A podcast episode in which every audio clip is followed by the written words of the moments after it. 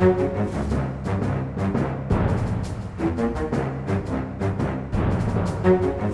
men Så fint. Eh, da er vi i gang med denne ukas Aftenpodden USA. På plass eh, for anledningen eh, på hjemmekontorene rundt omkring. Jeg, Lars Glomnes, er i Oslo. Det er du også, Kristina Pletten, men et litt annet sted. God dag, god dag. God dag, god dag. Og Øystein Langberg på plass i New York. Korrekt. Hvordan går det med deg? Det går kjempefint. Vi diskuterte litt her uh, hvorvidt du nå er et, på en måte et mindre rødt uh, og farlig sted enn det vi er, nå som uh, følelsen i Norge er litt at smittetallene går opp og og det er røde soner både her og der. Bergen skal man jo holde seg langt, langt unna, høres det ut som. Åssen er det i New York, egentlig? Bedre enn Bergen. Bergen er en farlig by på mange måter, så jeg er veldig glad for at jeg er i New York. ja. Nei, jeg tror, jeg tror, New York har hatt lav smitte i mange måneder nå.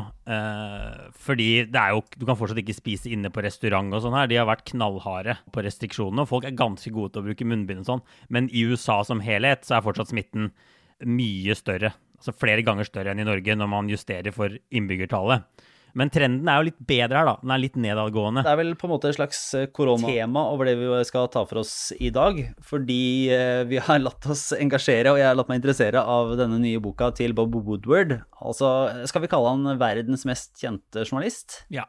Kan vi ikke kalle han det? Jo, det er vel ikke så, så veldig mange andre. Altså av Watergate-historien og Alle presidentens menn og, og, diverse. I hvert fall mest kjente gravejournalist, kan vi kalle han. For det er jo det han er først og ja. kjent for. Han er en legende for de som driver med den slags type journalistikk. Og nå er han en godt eh, voksen kar, og skriver ikke nødvendigvis så mye i avisa lenger, men han kommer jevnlig med bøker fra amerikansk politikk, og gjerne fra Altså Hans spesialitet er liksom historier fra de lukkede rom, er det ikke det som uh, kan sies? Jo, det er vel riktig. Han uh, er jo spesialist på å skaffe seg dype kilder, som som regel er anonyme og forteller ting som de kanskje ikke burde fortalt. Så Woodward er jo en sånn Han er jo en legende i akkurat dette her gamet her, og det har jo Eh, vært eh, spesielt eh, hva skal vi si, spesielt effektivt da, og spesielt utbredt også i, i disse årene som Trump har sittet i Det hvite hus. Ja, fordi han kom jo da med en bok i 2018 som vel het Fair, og nå kommer han da med boka som heter Rage. Og eh, det er jo litt sånn Jeg syns det er litt pussig på et vis eh, at Donald Trump med friskt mot går inn og har gjennomført hva er det, 17 on the record-intervjuer med Bob Woodward. Er mulig han var fornærma fordi han ikke var med i den eh, forrige boka, men nå skulle han være med til det fulle, og, og dermed har han satt seg ned og eh, har fått eh, boltreplass av Woodward til å på en måte ro seg ut i utrygt vann og, og kave på. Og har jo da også stadig latt seg fange litt, i, og ikke bare på en måte i intervjuer heller, men også på, på tape, da. Der den mest kjente historien nå er at eh, Trump i to samtaler med Woodward i, i slutten av februar og, februar og mars eh, snakker først om at han jo i grunnen vet at koronaviruset er alvorlig og på en måte luftbåret og, og er mye verre enn en vanlig influensa. Og så, i en senere samtale, så innrømmer han da å ha downplayed, eller hva skal vi kalle det, underspilt eller eh, avdramatisert hvor farlig dette viruset har vært. Og det har jo eh, hva er det man pleier å si? Slått ned som en bombe i, eh, i, den, i den, amerikanske mediebobla, Øystein? Ja, det har definitivt satt sitt preg på Og det skal jo litt til. når man, Det kommer jo bøker om Trump på løpende bånd. Men denne har fått mye oppmerksomhet de siste dagene. Eh, også fordi Eh, apropos løpende bånd, altså fordi Woodward har jo alle disse intervjuene på bånd. Så de har spilt av samtaler med Trump hvor han sier I played it down, viruset er deadly stuff, som du sier. Eh, og det slår jo mye hardere enn andre bøker hvor de kan si dette at vi aldri sagt dette, disse anonyme kildene, dette tar vi avstand fra. Så, så, så Woodward har noen, noen, gode kort på hånda, og demokratene har allerede tatt disse klippene, og de er ute på nettet, går viralt hvor man viser hva Trump sa til Woodward, og hvor man viser hva han sa offentlig, ikke sant? som var en helt annen historie om at dette ville gå over, uh, og at det ikke, ikke, var så farlig, hvor han sammenlignet det med en vanlig influensa, f.eks. Samtidig da, som han sa dette til Woodward på telefon. Men han mener jo da at han, han prøvde å avdramatisere for å, uh, for å ikke skape panikk. Synes, noen, har du noen forståelse for, for, for den, det forsvaret, Kristina? Ja, eh, det var vel delvis det eh, regjeringen her hjemme også gjorde først, da. eh, ikke underspille det, men, men prøve å liksom dempe panikken. At ikke folk skulle springe ut og hamstre, alt det der. ikke sant? Vi så jo litt tendenser til det. Og jeg tror at alle statsledere var fryktet at man skulle få den der massive panikken der alt liksom bryter sammen. Folk styrter til butikkene. I USA har de folk med våpen ute i gatene. Det har du fått seinere uansett, men mye, mye, rart kan skje når, når befolkningen får panikk. Så jeg forstår den impulsen, men samtidig så er det jo Trump gjorde jo mye mer. da. Han, han sådde jo tvil om dette her. Han, han, kommuniserte sånn som han gjør på mange plan, ikke sant? på Twitter, på det han sier når han er på offentlige tilstelninger og sånn. Han sammenlignet med influensa, sa det ikke var så farlig. Og så så man jo da på meningsmålinger f.eks. at eh, Trump-tilhengere, republikanere, tok viruset mye mindre alvorlig og gjør det fortsatt i dag, tror jeg, og tror at det er mindre farlig. Og det eksisterte også masse masse sånn feiloppfatning og feilinformasjon om at, eh, om at det, det, det, var falskt, altså at det ikke eksisterte, eller at det var liksom plantet av noen, bla, bla, bla. Og det kunne Trump ha gjort ganske mye med å stanse, hvis han hadde villet. Så eh, det, jeg tror det er vanskelig for han nå å snakke seg ut av det han allerede har gjort.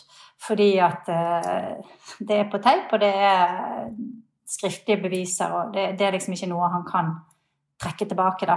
Ja, nei, Det er en påminnelse om hvor mye de visste, og vi vet en del, en del av dette har vært fremme i journalistikk allerede, av alle de gangene Trump ble brifa om virusets farer. Men, men det, det, gikk jo lang tid altså Det de f.eks. kunne gjort, var jo å få, begynne å sette opp et skikkelig sånn testregime det var jo det som var hovedproblemet i USA, at, at uh, viruset spredte seg som en bølge gjennom New York uten at man kunne teste, uten at man ante hvor omfattende det var. Så alle disse tingene er jo noe Trump kunne gjort noe med hvis de hadde tatt dette mer alvorlig eh, tidligere. Og de visste da tydeligvis mer enn det som kom til uttrykk på pressekonferanser, da det var sånn Dette vet vi ikke så veldig mye om. Si, det er jo en ulik sånn alvorlighetsgrad eller forståelse av det. Trump hadde jo nå denne uka en ny sånn, et sånn innendørs valgtreff liksom, med tusenvis av velgere og republikanere, som da i hovedsak møter opp uten ansiktsmaske i Nevada eh, og i, måte, bryter med de lokale og statlige retningslinjene for, for ansamlinger av mennesker, og, og, driter i det og, og kjører på uansett. Så det, det, er jo på en måte Det er jo ikke noe som tyder på at han eh, lar seg prege veldig av denne kritikken nå, i hvert fall. Han kjører på sitt eget løp uansett. Jeg tror på en måte han har malt seg litt opp i en hjørne her. Fordi at, et hjørne, fordi at F.eks. Eh, det med å gå med, med eh, munnbind. Det har jo blitt en slags sånn kulturkrig.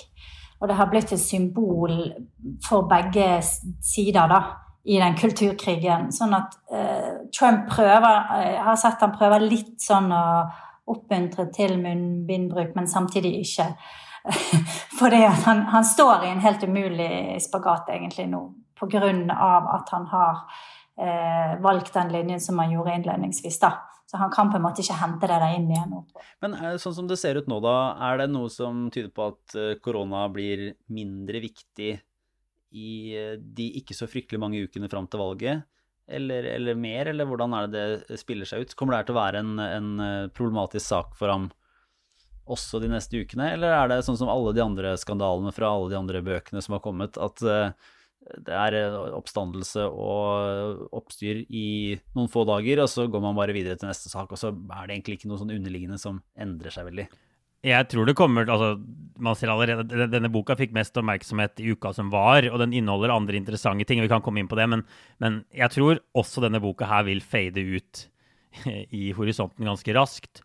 Og man ser at korona får mindre oppmerksomhet nå, fordi trendene er ikke så dårlige. Det er fallende smittetall. Jeg tror også folk er litt sånn rett og slett lei av å lese om det. Og Trump-kampanjen gjør alt de kan for å snakke om andre ting enn korona, fordi han får veldig dårlig karakter av velgerne på, koronahåndteringen. Uh, så, så jeg, tror ikke, jeg, tror ikke, den boka kommer til å ha veldig mye å si for Trumps oppslutning, men nå er det sånn 49 dager til valget. Hver eneste dag som går uten at Trump kan snakke om noe han vil snakke om, da, f.eks. økonomien, noe som går bra, men hvor de isteden snakker om dårlig lederskap, Trump som kaller militære folk for tapere, alle sånne ting, det er en tapt dag. Så, så hvis det hadde kommet en sånn bok hver dag frem til valget så hadde det vært sant, elendige nyheter for Trump. Så trenger ikke å, og, og det handler bare om hva som liksom preger agendaen litt. Og sånn sett er disse bøkene ødeleggende nå når de har så dårlig tid. Jeg har, jeg har, litt følelsen at det kommer en sånn bok hver dag fram mot valget. Det er i hvert fall, det er liksom høysesong for at folk skal komme ut med sine historier og, og sine fortellinger fra hvordan det her har vært, enten det er nå støttespiller eller ikke.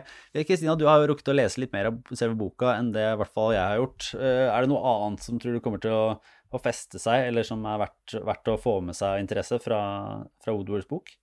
Altså det jeg syns kanskje er mest interessant med den, er jo hvem som helt åpenbart er kildene her. Eh, det er helt tydelig at eh, tidligere forsvarsminister Jim Mattis er kilde. Eh, tidligere utenriksminister Tillerson, Rex Tillerson er kilde. Og lederen for etterretningsbyråene Dan Coates er helt åpenbart en kilde. Jeg lurer også på om kanskje Mike Pence og Jared Kushner har snakket med, med Woodward. Og særlig de tre nevnte først, altså Tillerson, Mattis og Coates det har vært en del frustrasjon, tror jeg, fra både journalister og andre på at ikke disse her var villige til å stå frem og snakke om det de har opplevd og sett eh, med Trump. Eh, og når de så åpenbart er eh, kilder i denne boken, så kan man spørre seg hvorfor de ikke har gjort det, eller om de kommer til å gjøre det i ukene fremover. Og der, Øystein Hadvel, kanskje du også gjort deg noen tanker om det?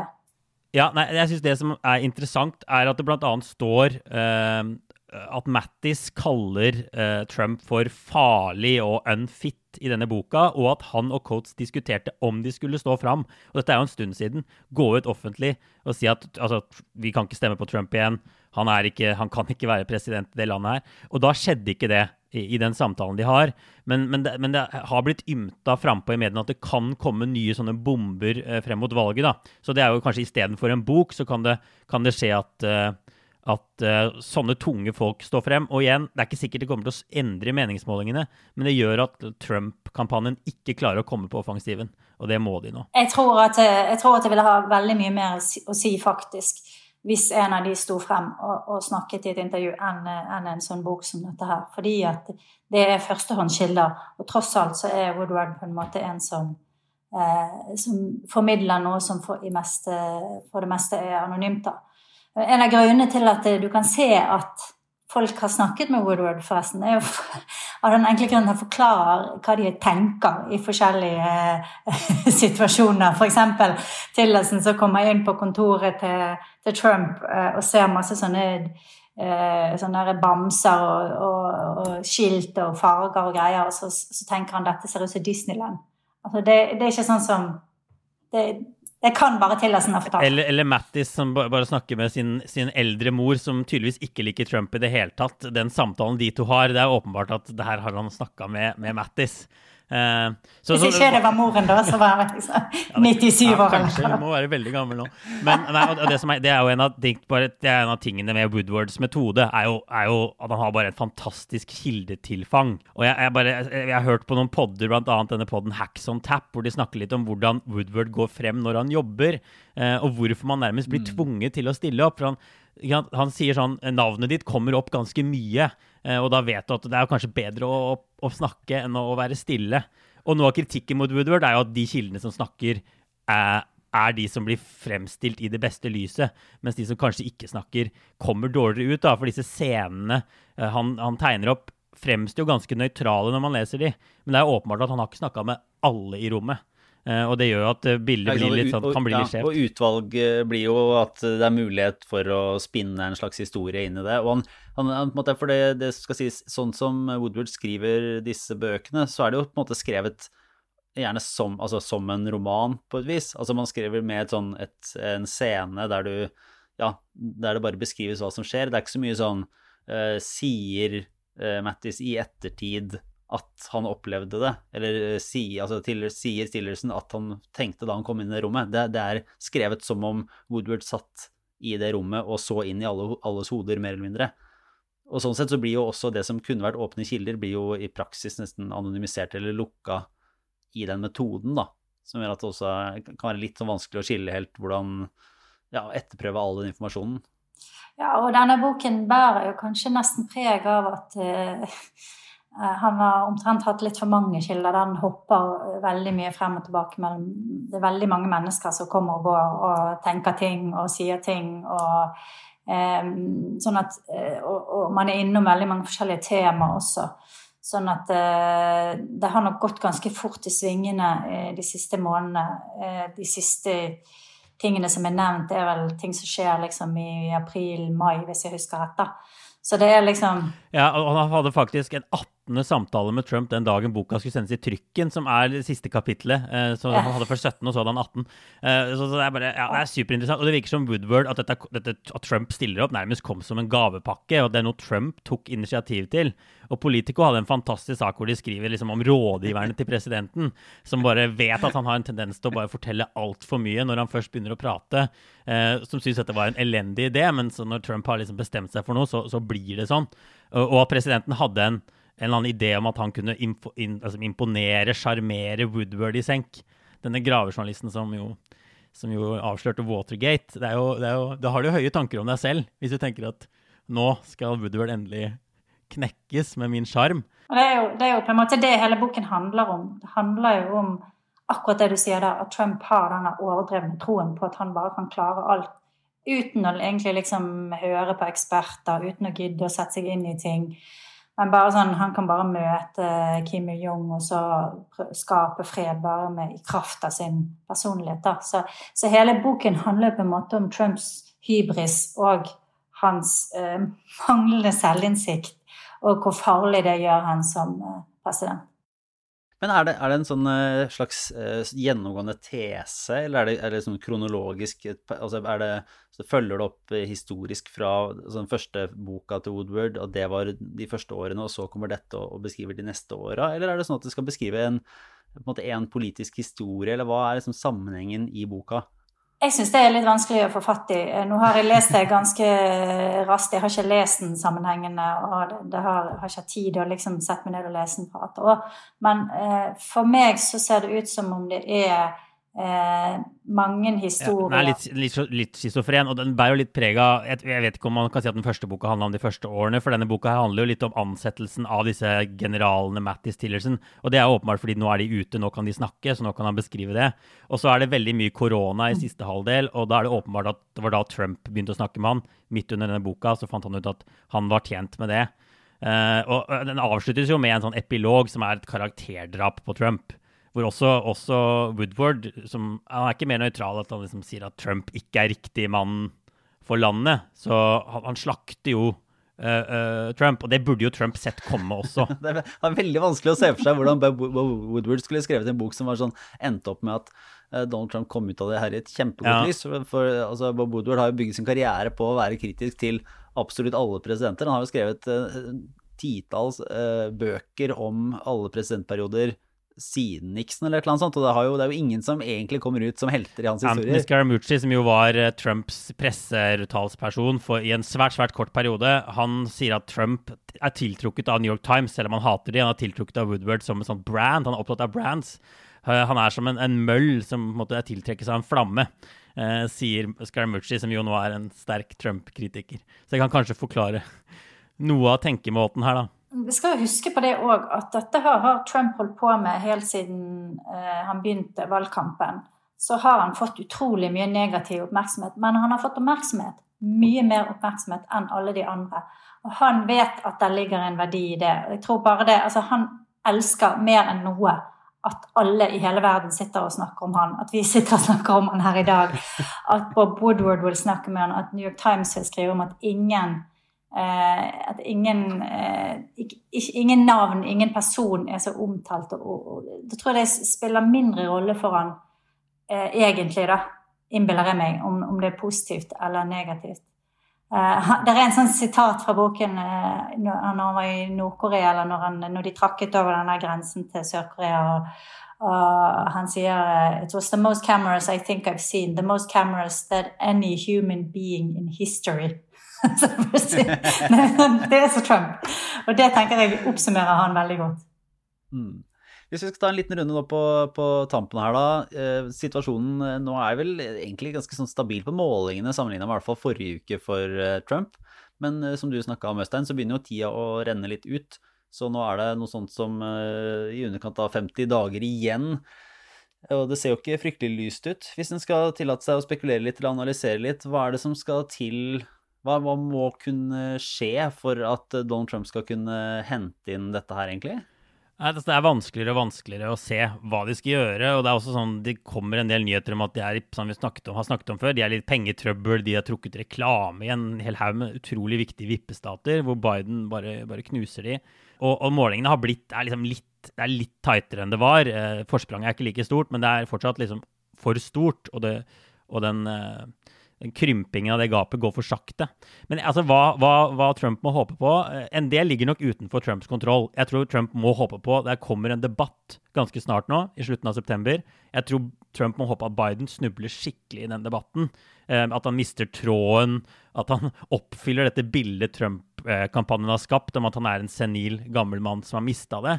Men igjen så er problemet det samme som at Biden gikk ut og holdt denne talen på landsmøtet, at hvis Biden fremstår som noenlunde normal, normal og får inn et par angrep på Trump, så har han på en måte levert over forventningene. Så de, de har gjort det litt vanskelig for seg.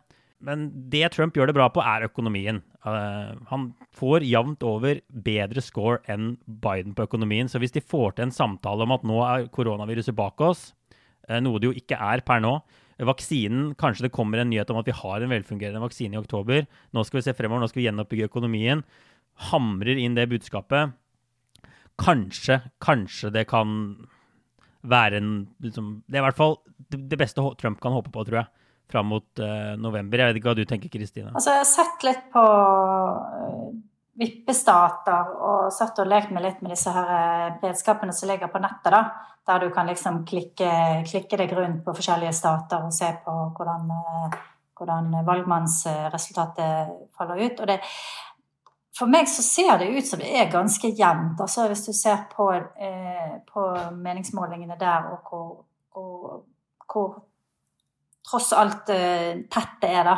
Så jeg tenker at eh, eh Trump fortsatt har en ganske god sjanse her. Jeg tror det var Nate Silver som hadde en sånn sannsynlighetsberegning om hvor mye Biden må, må vinne over i eh, popular vote for å, en, eh, for å kunne ta valgmannsseieren. Han må liksom vinne med fem millioner stemmer for å være sånn 90% sikker, eller noe sånt i den duren. Så for meg så ser det ut som at det her fortsatt er helt åpent. Ja, jeg, tror det, jeg, tror ikke det, er helt åpent, men jeg, jeg tror det, Nå har Nate Silver Biden opp med 7 prosentpoeng eh, på Trump. Og hvis, hvis det der fort, gapet fortsetter å bli litt mindre, da, la oss si at det blir ned i 5 prosentpoeng nasjonalt, så tror jeg du kommer inn i det territoriet hvor, hvor Trumps fordel i disse vippestatene eh, den er ganske stor fortsatt. Eh, og at det kan gjøre at det blir jevnt i de avgjørende vippestatene. Så, så, kanskje liksom, ja, 4-5 prosentpoeng, da, da, begynner det å bli farlig for Biden. Det er ikke en trygg ledelse lenger. Så nei, jeg tror heller ikke Trump skal avskrives i, i det hele tatt. Men, men de, de, gjør i hvert fall det er vanskelig å se at de gjør ting som er veldig effektivt for øyeblikket. da. Eh, og nå har jo folk begynt å stemme. Sånn, det er jo kanskje det er jo den enkleste analysen av alle. Men uh, en kan jo litt lett se for seg at situasjonen har i praksis vært omtrent den samme fra i vår til nå, da, på veldig mange av målingene. Uh, og det er faktum at Biden leder med en god del. Og antageligvis kommer til å vinne, og han kommer, kommer, til å vinne, og så kommer han til å si at ja, men sånn har situasjonen egentlig vært hele tida. Det var noen sånne små krusninger oppe på toppen, men han har vært tidenes mest upopulære president. Han har bare hatt støtte fra liksom, sin uh, base, og det har kommet sak etter sak etter sak som har vært dårlig. Uh, og da er det ikke mulighet til å hente seg inn igjen. Men så må man liksom ha uh, alle sånne Ta alle forbehold, da, fordi det har overraska så mye før. Ja, jeg tror vi er mer forsiktige enn sist. Jeg, jeg vet ikke, Du skrev jo mer om USA i valget i 2016. Jeg merker i hvert fall at man legger inn eh, flere forbehold. Eh, man, jeg tror etter de to Bama-seierne så ble jo, ble Knight Silver en sånn helt som bare kunne Vi trengte nesten ikke å stemme engang, for han, han kunne bare forutsi hvordan valget endte. Eh, sånn er det jo ikke nå. Mm. Altså, jeg, eh, jeg var veldig usikker før valget i 2016 og skrev litt om det, i hvert fall fordi at jeg syns at Hillary Clinton var en veldig svak kandidat. Og eh, det samme syns jeg gjelder nå, kanskje i enda sterkere grad. Selv om Biden kanskje er litt bedre likt, da, så er han en innmari svak kandidat. Og noen få feiltrinn, så, så tenker jeg dette her, det, det, den ledelsen han har på meningsmålingene, kan veldig fort forsvinne. Og basen til Trump er veldig sterk. Altså, er, han kan jo nesten gjøre hva som helst kan komme frem da, skandaler, og han, han, han dypper ikke under 40 i, i approval rating heller. Så. Men altså, hvem vet? det er vel eh, Altså, alt kan skje. Og det kan godt hende, Lars, du har rett, at etterpå så eh, vinner Biden, og så sitter alle og sier ja, men det var jo åpenbart at sånn måtte det gå. Men for meg er ikke det åpenbart fra mitt synspunkt eller standpunkt der her jeg er nå. Men uh, vi går en liten runde med obligatorisk refleksjon. Kan vi ikke det? Kristina, har du lyst til å begynne? Ja. Uh, jeg skal ha en litt light en uh, denne uken, tenkte jeg. fordi at det er, dukker jo stadig opp nye talenter nå, i sånne koronatalenter som, som gjør seg gjeldende på sosiale medier, spesielt Twitter. da, følger jeg med på. Og der er to komikere som, eh, som, jeg ser på nesten hver dag og syns er morsomme. Eh, og det er de er på en måte Det er en som heter Brent Terhune. Terhune jeg vet ikke helt hvordan jeg sier det. Og Blair Erskine.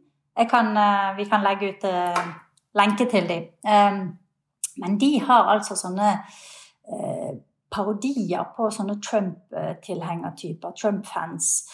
Og eh, det morsomste med det er at de legger ut sånne små videoer, og så eh, kommer det masse sinte folk i kommentarfeltet som er sånn Er du helt dum? Du må jo gå med munnbind, og herregud, din teite Så det er veldig morsomt å lese nedover kommentarfeltene. Så er det veldig sånn eh, Det er også noe sånn veldig talende med åssen eh, denne her kulturkrigen og stemningen er nå, da som, eh, som jeg syns er interessant. Så, ja, for du får et ekstra lag med på en måte ironi i det at de ikke nødvendigvis sier helt tydelig hva det er for noe. Så du får, du får liksom spillet i etterkant. Ja, så folk er ikke helt sikre på er dette her eh, er det ekte, eller er det noen som tuller. ikke sant? Det er, det er sånn satire på sitt beste, tenker jeg. Også sånn eh, å bruke tidsånden da, til å skape en ny type satire som jeg syns er veldig kul, egentlig.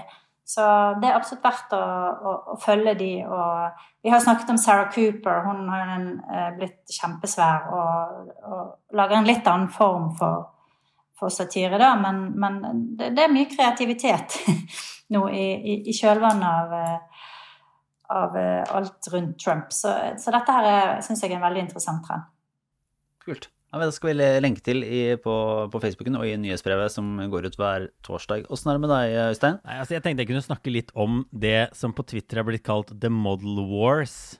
Som er en ting som jeg syns har vært veldig fornøyelig siden sommeren. Uh, og det er en krig mellom Nate Silver, som har laget valgmodellen til dette nettstedet 538, som vi har snakket om allerede, og George Elliot Morris, mm. som har laget modellen til The Economist.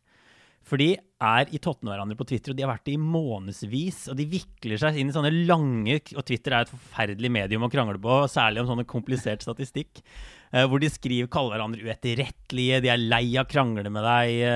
Uh, han ene foreslår en gang at de bør ta en podkast sammen, og bare Nate Silver bare avfeier det blankt. Han skal ikke ha noe med den fyren å gjøre. og, og, og, det Silver mener, da, er at den Economist-modellen er for skråsikker i, i sine liksom, prediksjoner uh, av valget. Jeg tror i hvert fall en av de tingene de krangler om, er hvor mye usikkerhet det er i hvor mye målingene kan svinge frem mot valgdagen. Så han Morris som har laget Economist-modellen, den, den, gir Biden en høyere vinnersannsynlighet enn en Nate Silver gjør, og 538-modellen gjør. Han sier at nå er det mye mer polarisering enn før. Meningsmålingene er utrolig stabile. Sånn har det vært siden år 2000. De kan ikke endre seg så mye fram til valgdagen. Og det betyr at når Biden leder så mye som han gjør nå, så er det ganske lite sannsynlig at Trump kan komme tilbake og vinne. Mens Nate Silver ser på et mye lengre perspektiv tilbake i tid og sier jo, vi har sett folk hente inn større forsprang eh, enn det Biden har nå uh, flere ganger opp gjennom historien. Det er en av de tingene de krangler om. Um, men, men, det, men det som, og det som er litt mm. interessant, er at det, det, det betyr, er at hvis det hadde vært valg i morgen, så er det ikke sikkert disse modellene hadde kommet med så ulike anslag. Uh, det kan godt hende de hadde gitt Biden en ganske lik vinnersannsynlighet, men det er den tiden frem til valget og hvor mye usikkerhet er i den, som gjør at de modellene viser, har vist ganske forskjellige ting. Eh, jeg kan egentlig runde av med å anbefale en eh, podkast eh, som altså er en Economics Radio, som har mange, mange interessante episoder. Dette er vel i utgangspunktet en episode fra 2018, men som de sendte på nytt nå. og la ut, som handler om Altså det er en, egentlig en businessanalyse av det politiske USA, som ikke er spesielt optimistisk, men som altså ser på den på måte, politiske industrien i USA som et såkalt duopol, altså ikke en monopol, men et duopol, der egentlig demokratene og republikanerne har etablert seg en industri og en ordning der, der de fungerer helt fint som konkurrenter, og begge tjener på det. Altså det er litt som, som eh, Pepsi og Coca-Cola, som, eh, som, lever greit med å ha en konkurrent som de kan dele markedet med, men, men i politikken så er det enda vanskeligere da, for andre å komme inn og utfordre. Så, så det er en eh, Harvard-professor og, og, en sånn businessanalytiker som har skrevet en tekst som ser på det politiske systemet som en sånn duopol, der det er helt umulig å faktisk bryte inn og skape en endring. Og, og, problemet er jo da at de mener at dette i veldig liten grad faktisk gagner brukerne, da, eller velgerne. At, eh, at, det er skapt en dynamikk som gjør at det bare fortsetter i en konkurranse der eh, demokratene og republikanerne i praksis har delt markedet mellom seg. De, har, eh, de konkurrerer i svært liten grad om de samme velgerne, og kan, kan drive en enormt stor industri da, med konsulenter og bidrag og, og, alt mulig rart på en måte som, som gir lite sånn output for innbyggerne. Og, og, mener at dette er et problem. Så har de da kommet med noen forslag til hvordan det potensielt kan løses litt opp, selv om det per i dag ser veldig utopisk ut og ser for seg en sånn dramatisk endring av, av det amerikanske partilandskapet. Men uh, det var en uh, interessant liten gjennomgang, i hvert fall, som kan, uh, som kan høres på Freakonomics Radio. Det er altså episode 356 Eh, som heter America's Hidden Duopoly fra 3.9., som kan, eh, kan, anbefales. Og Da tror jeg vi runder av for denne gang. Eh, takk Kristina for at du var med. Skal få løpe videre, og takk Øystein for at du var med oss fra USA. Og så er vi tilbake neste uke, og på torsdag med en norsk Aftenpodden med Trine, Kjetil, Sara og meg, Lars Glomnes. Det var Aftenpodden. Ha det bra.